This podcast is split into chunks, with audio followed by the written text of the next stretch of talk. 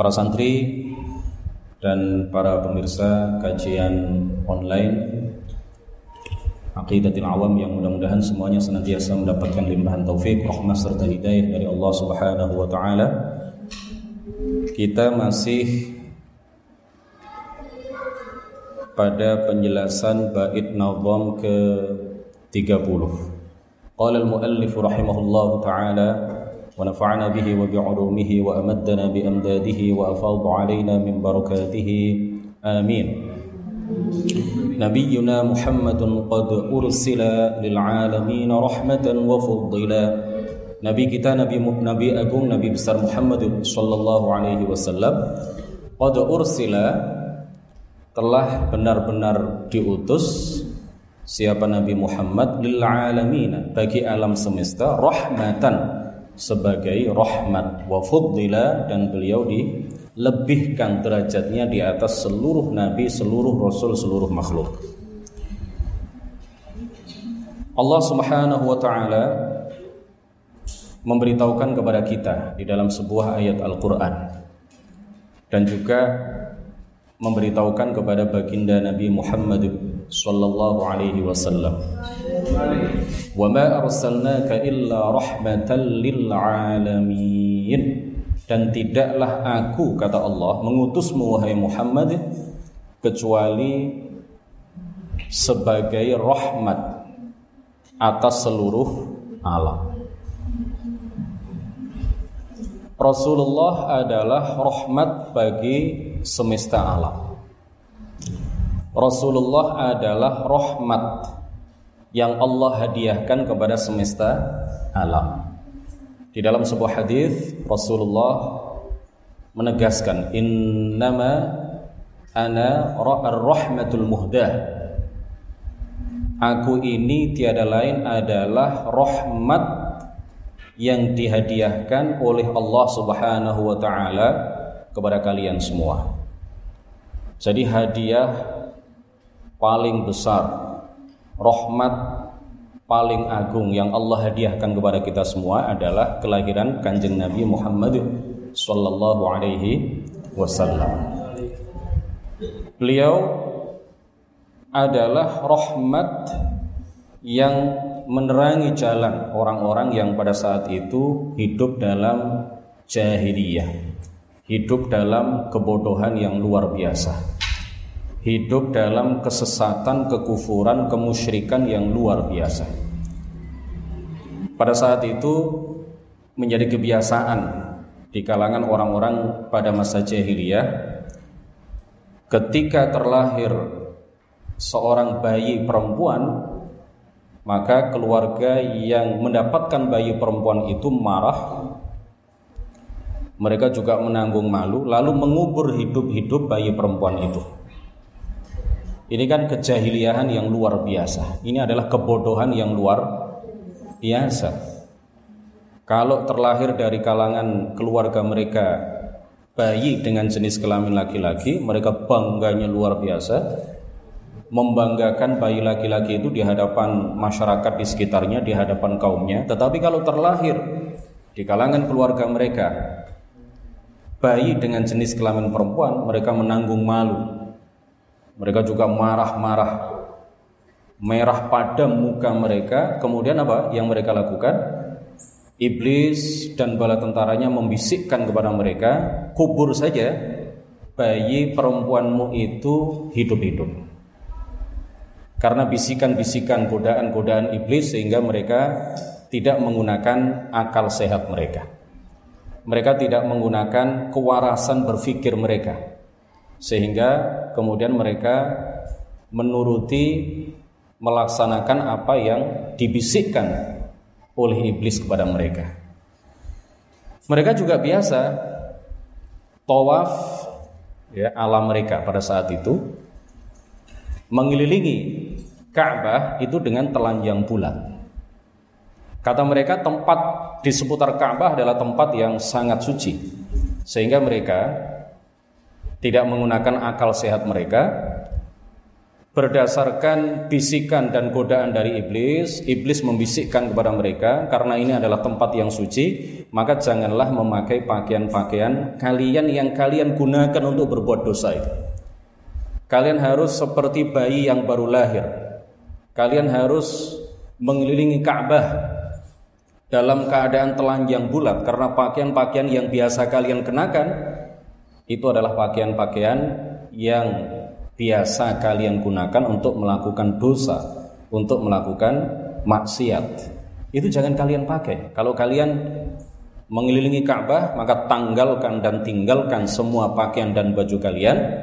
Kelilinglah di seputar Ka'bah dengan keadaan atau dalam keadaan seperti bayi yang baru lahir yaitu telanjang bu, telanjang bulat. Ini adalah kejahilian yang luar luar biasa. Kemudian ada di antara mereka yang menyembah berhala-berhala di seputar Ka'bah. Bahkan mereka juga kadang-kadang memahat berhala, membuat berhala itu dengan buah kurma. Jadi buah kurma itu disusun sedemikian rupa dalam bentuk sebuah berhala, dalam bentuk sebuah patung. Kemudian setelah itu disembah oleh mereka. Setelah selesai disembah, Kemudian buah-buah kurma itu diambil satu persatu kemudian dimakan. Lalu keluarlah kotoran dari anus mereka. Jadi yang semula disembah itu kemudian menjadi kotor kotoran, menjadi sesuatu yang menjijikkan. Ini kan kejahiliahan yang luar biasa.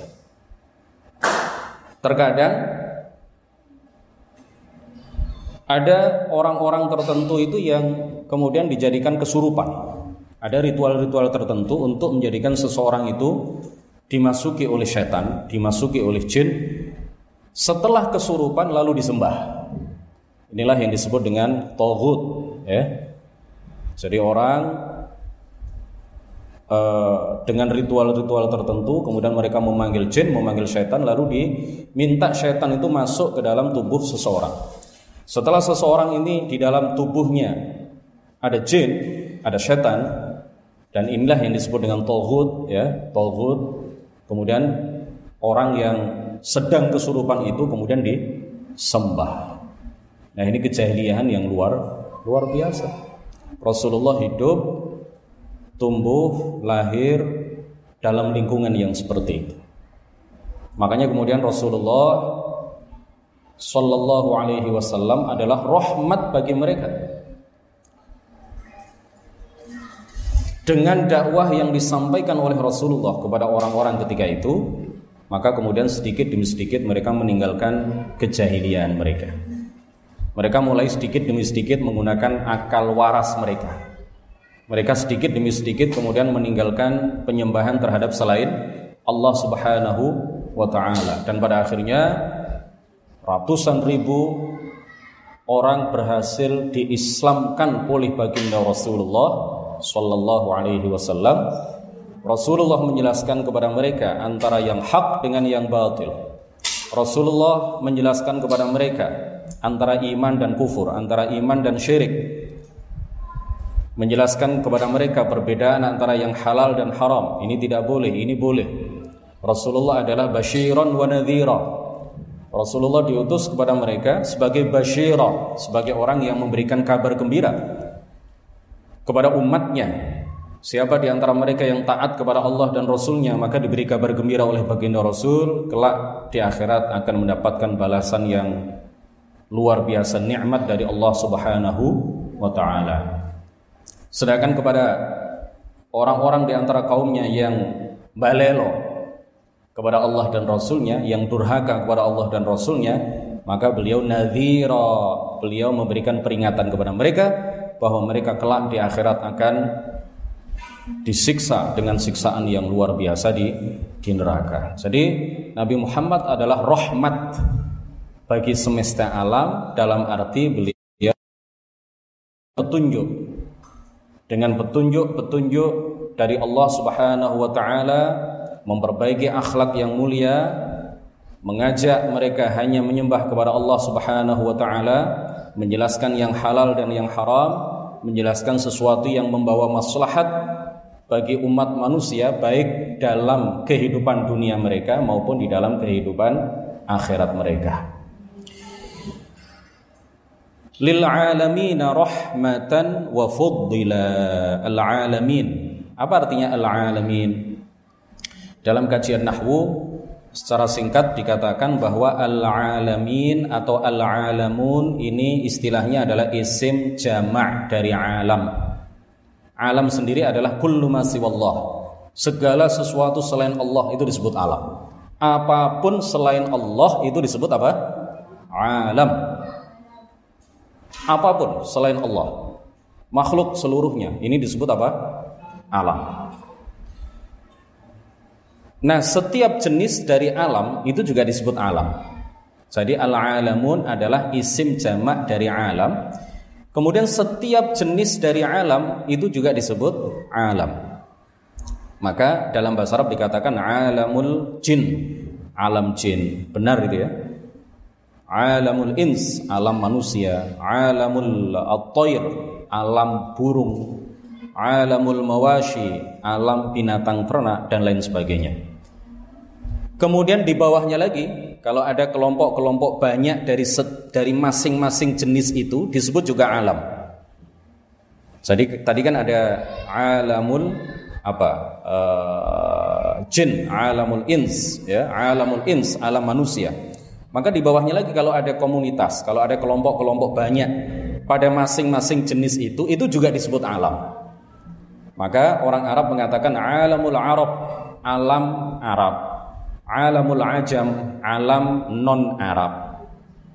Nah, begitu itu semuanya disebut apa? A alam. Jadi alam itu adalah kulluma siwallah, segala sesuatu selain Allah. Apa alam? Kulluma Al-alamu kullu ma siwallah. Kita baca sama-sama. Al-alamu huwa kullu ma siwallah. Alam adalah segala sesuatu selain Allah Subhanahu wa taala. Nah, karena Allah adalah pencipta alam, maka Allah berbeda dengan alam. Karena Allah adalah pencipta alam semesta, maka Allah berbeda dengan alam. Allah berbeda dengan manusia karena manusia adalah bagian dari alam. Allah berbeda dengan binatang, Allah berbeda dengan bulan, bintang, matahari, langit, apa-apa yang ada di antara langit dan bumi.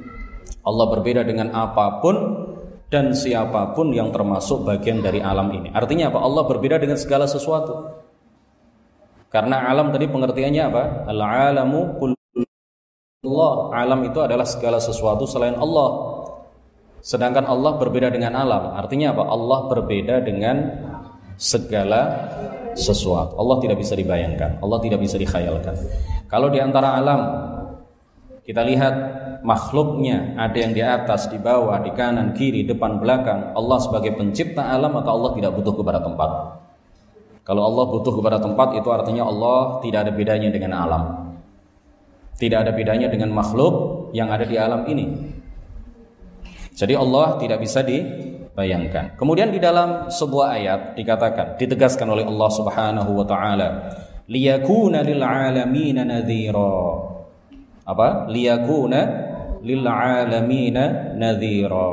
Rasulullah itu diutus sebagai pemberi peringatan kepada alam semesta.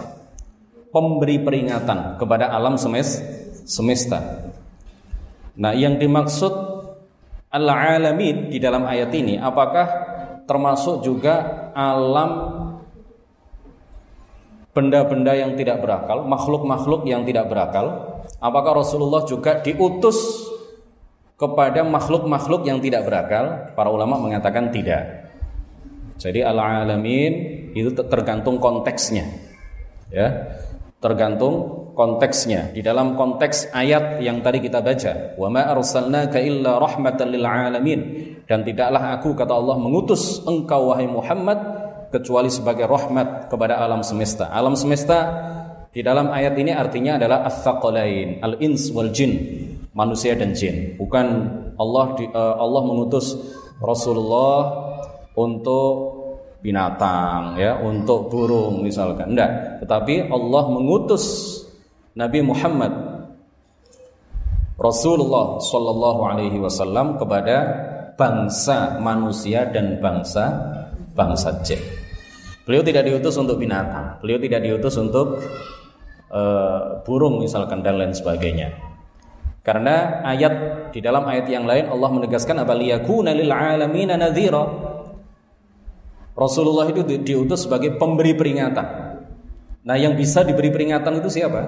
Manusia dan dan jin. Masa Allah mengutus beliau sebagai pemberi peringatan kepada burung, kepada tokek, ya, kepada kera, kepada gajah, kepada singa, kepada harimau dan binatang-binatang yang lain kan tidak kan? Ya. Jadi yang uh, Rasulullah diutus oleh Allah Subhanahu wa taala kepada bangsa manusia dan bangsa bangsa jin. Nah, apakah al-alamun atau al-alamin Rasulullah diutus kepada al-alamin, kepada semesta alam. Kalau binatang dan burung tadi tidak termasuk, apakah malaikat itu termasuk? Apakah Rasulullah diutus kepada para malaikat? Ada perbedaan pendapat di kalangan para para ulama. Pendapat yang kuat, pendapat yang benar bahwa malaikat tidak termasuk ke dalam al-alamin, ya Wa ma arsalnaka illa rahmatan lil alamin. Jadi Rasulullah itu hanya diutus kepada bangsa manusia dan bangsa bangsa jin. Rasulullah diutus oleh Allah kepada bangsa manusia dan bangsa jin, tidak termasuk malaikat. Kenapa? Karena malaikat tidak mungkin bermaksiat kepada Allah. Rasulullah itu tugasnya adalah nadhira. Salah satu tugasnya adalah nadhira. Liyakuna lil alamina nadhira, memberikan peringatan Malaikat nggak perlu diberi peringatan. Karena malaikat itu diciptakan oleh Allah Subhanahu wa taala sebagai hamba-hambanya yang selalu taat kepada Allah dan tidak ber, pernah bermaksiat, tidak pernah berbuat dosa kepada Allah. Setiap saat, setiap detik yang dilakukan malaikat adalah taat, taat, taat dan taat. Setiap detik, setiap saat yang dilakukan oleh malaikat adalah berzikir, bertasbih, bertahmid, beribadah, berbuat taat, menjalankan perintah Allah Subhanahu wa taala dan tidak pernah durhaka, tidak pernah bermaksiat terhadap apa yang Allah perintahkan kepada kepada mereka.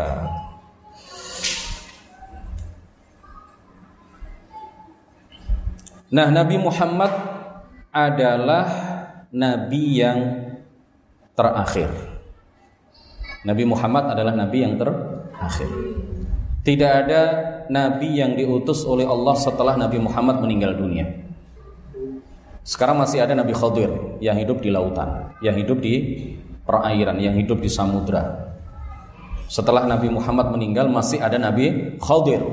Tetapi Nabi Khadir itu diutus diangkat menjadi nabi jauh sebelum Nabi Muhammad lah lahir. Yang ditegaskan oleh para ulama yang disepakati oleh para ulama tidak ada seseorang yang diutus oleh Allah Subhanahu wa taala menjadi nabi setelah Nabi Muhammad meninggal dunia. Tidak ada seorang pun yang diangkat menjadi nabi setelah Nabi Muhammad meninggal dunia. Adapun Nabi Khadir sekali lagi adalah seseorang yang diangkat menjadi nabi oleh Allah Subhanahu wa taala jauh sebelum Nabi Muhammad lah lahir.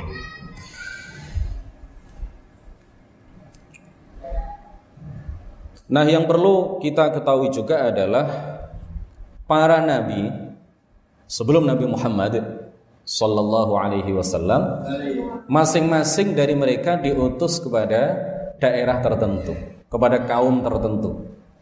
Jibril mengatakan misalkan kepada seorang nabi, wahai nabi fulan, engkau diutus untuk kaum fulan. Wahai nabi fulan, engkau diutus ke daerah fulan.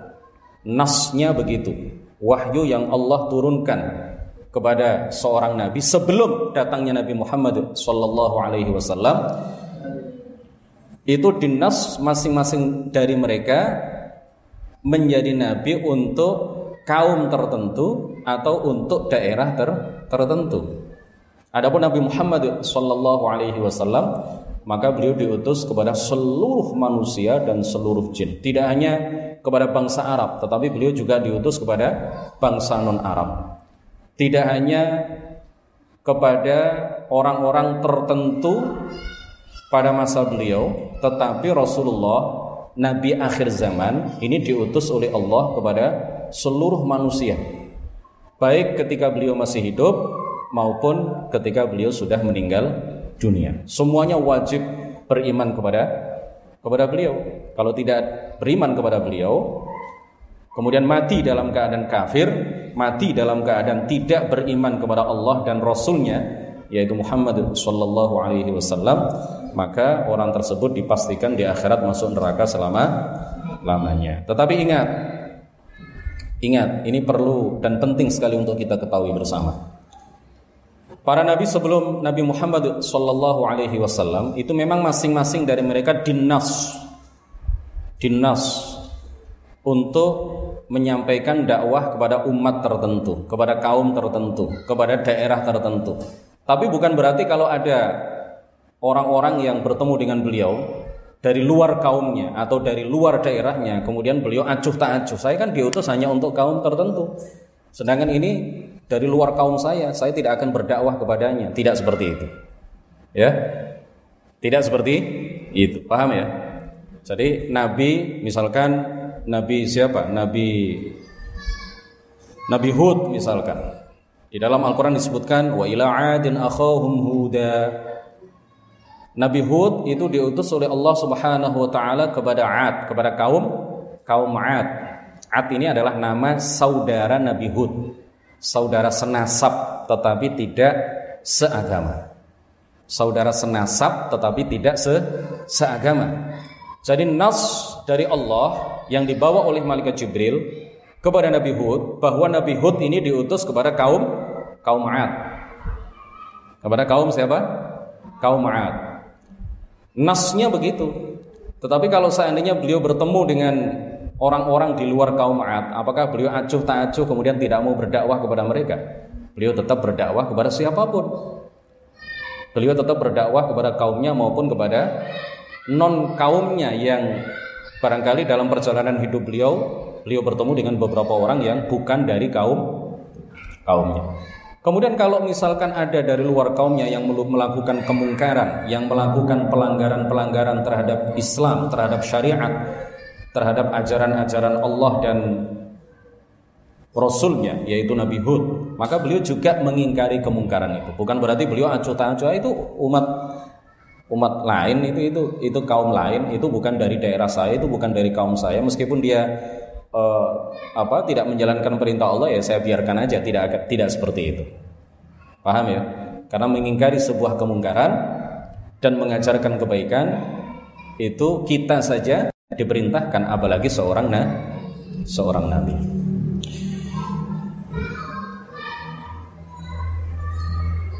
Nabiyyuna Muhammadun qad ursila lil alamin rahmatan wa fuddila wa fuddila Rasulullah itu dilebihkan derajatnya di atas seluruh nabi, seluruh rasul.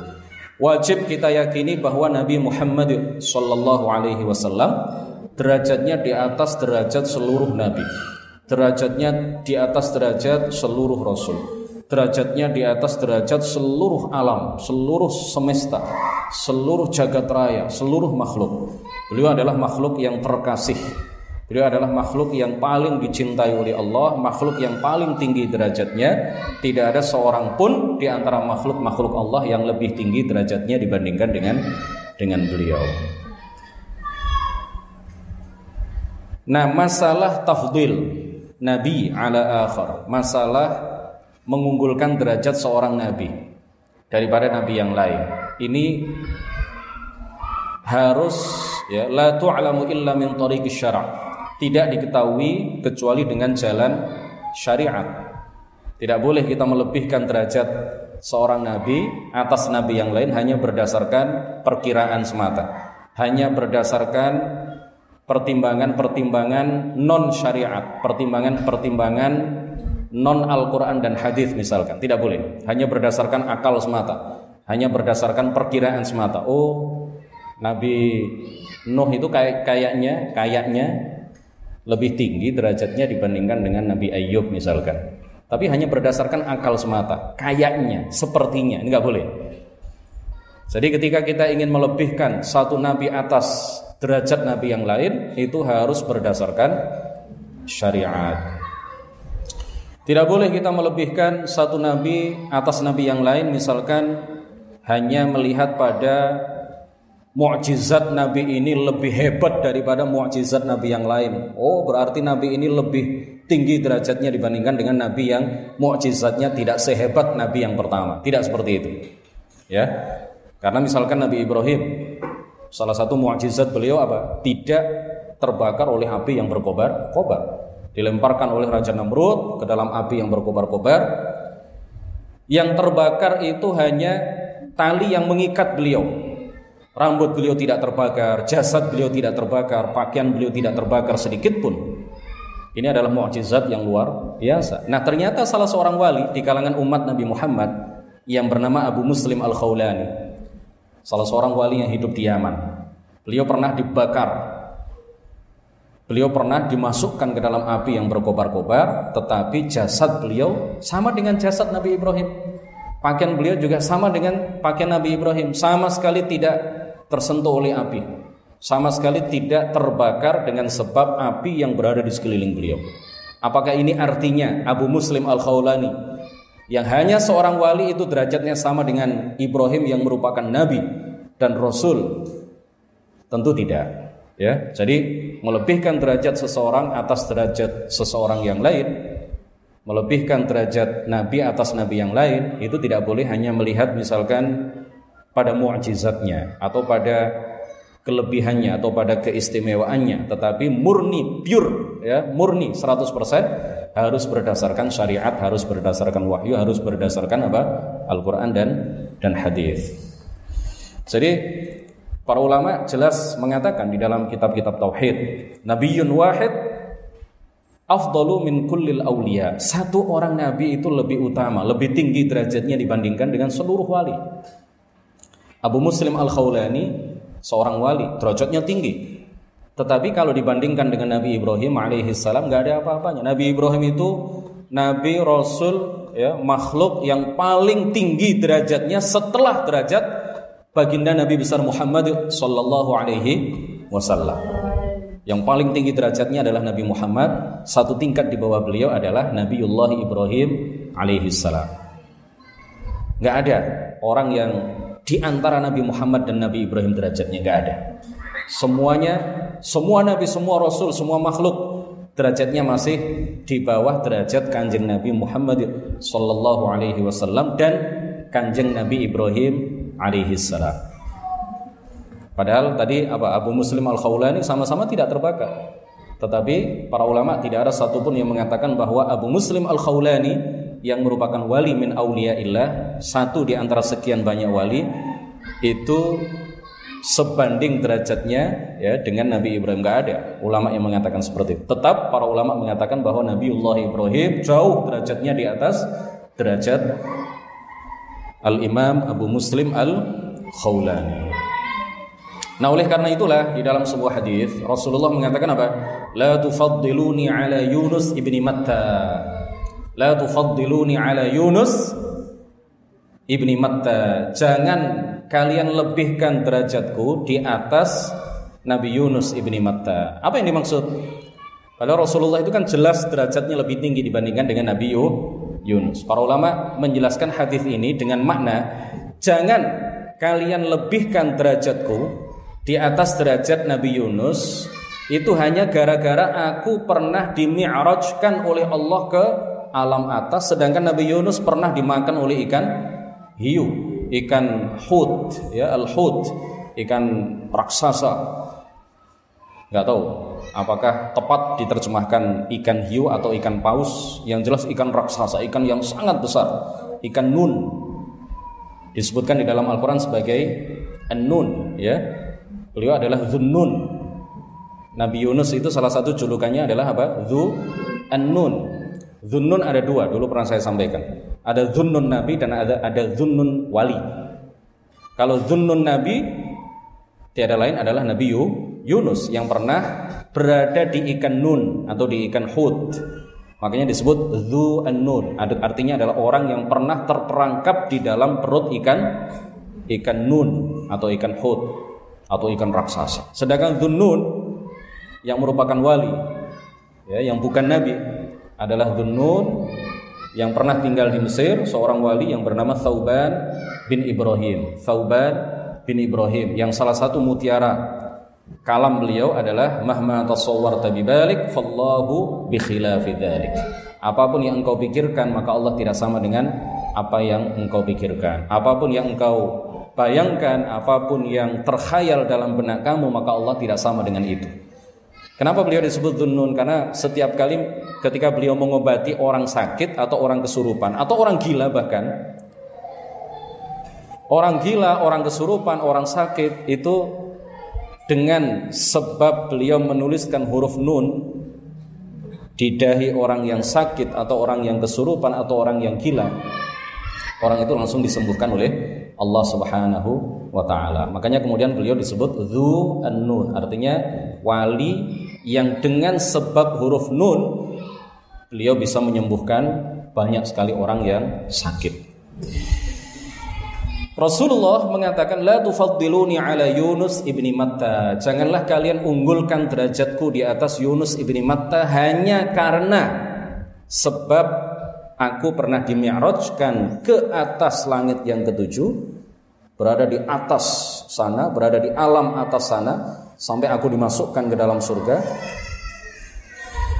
sampai aku melihat arsh yang merupakan atap dari surga sedangkan Nabi Yunus ibni Matta itu beliau berada di bawah di dasar samudra di terperangkap di bawah di dalam perut ikan raksasa ikan nun atau ikan hut. Jangan hanya karena itu karena pertimbangan itu kemudian kalian melebihkan derajatku di atas derajat Nabi Yunus ibni Matta. Ini menjadi dalil bagi kita semuanya bahwa melebihkan derajat seorang nabi atas derajat nabi yang lain itu jangan hanya berdasarkan hawa nafsu, jangan hanya berdasarkan pemikiran. Nabi yang ditinggikan derajatnya oleh Allah Subhanahu wa taala di atas nabi-nabi yang lain, maka dialah orang yang lebih tinggi maka dialah nabi dan rasul yang lebih tinggi derajatnya dibandingkan dengan yang lain. Jadi semuanya berdasarkan apa? Pengunggulan derajat nabi atas derajat nabi yang lain itu semata-mata harus min tariqis syara' atau an tariqis syara' harus berdasarkan syariat. Kalau memang Al-Qur'an atau hadis atau ijma' menyatakan bahwa nabi ini lebih tinggi derajatnya dibandingkan dengan nabi yang lain, maka kita lebihkan nabi itu derajatnya di atas nabi yang yang lain. Jadi jangan hanya perkiraan, jangan hanya sepertinya, jangan hanya kayaknya. Paham ya?